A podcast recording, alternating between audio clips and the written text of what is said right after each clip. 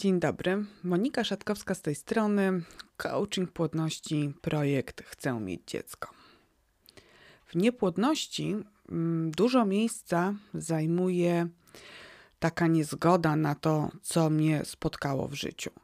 Y, poczucie niesprawiedliwości i tego, że nie należało mi się takie potraktowanie przez świat, przez los. Z drugiej strony jest ogromna bezsilność. Poczucie, że niewiele mogę, że jestem zdana na łaskę losu, na łaskę siły wyższej. Y, chciałam dzisiaj omówić z Wami taką modlitwę o pogodę ducha.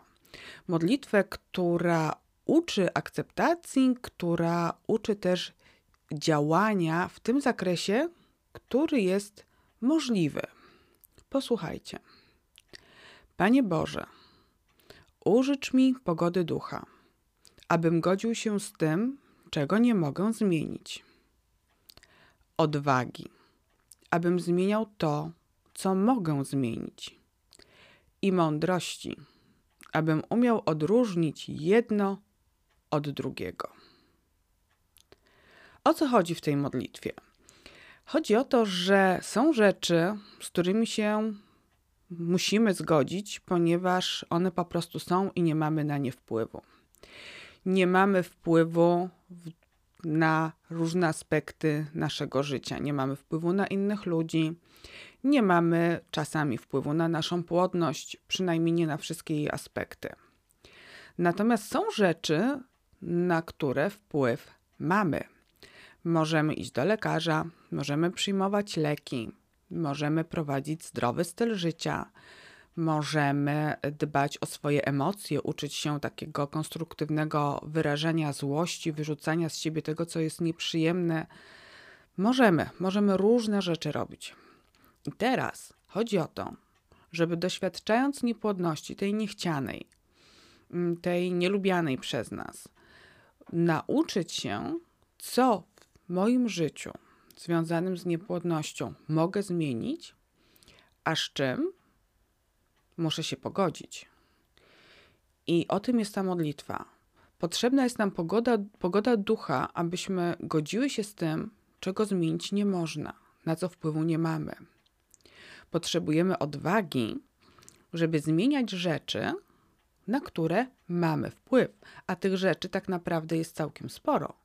Tak jak wspomniałam, to jest sposób leczenia, to są badania, to jest umiejętność radzenia sobie z emocjami, to jest stosowanie diety, to jest być może zmiana pracy, to są innego rodzaju relacje z ludźmi i z samą sobą. Tak naprawdę mnóstwo jest rzeczy, które można zmienić. Potrzebujemy odwagi e, i takiej motywacji, żeby zacząć to robić. No i oczywiście potrzebujemy mądrości, żeby odróżnić to, czego zmienić nie możemy, od tego, co zmienić możemy.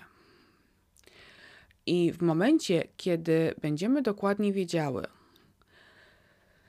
gdzie trzeba odpuścić, gdzie trzeba wyluzować, z czym się trzeba pogodzić, że na ten moment nie mam na to wpływu, i jednocześnie będzie świadomość w nas, że są rzeczy, które zmienić mogę od dziś, od teraz. Na przykład wyrażanie wdzięczności, na przykład przejście na płodną dietę albo przynajmniej odstawienie używek. Więcej spacerów. To są być może drobiazgi, ale one wpływają na całokształt. I one powodują, że uczysz się, że są rzeczy, na które masz wpływ i takie, które musisz odpuścić. Kochane, życzę Wam pogody ducha abyście godziły się z tym, czego nie możecie zmienić, żebyście miały odwagę zmieniać to, na co macie wpływ i żebyście umiały odróżnić jedno od drugiego.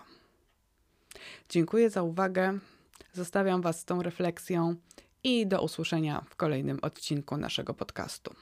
Pozdrawiam serdecznie, Monika Szatkowska.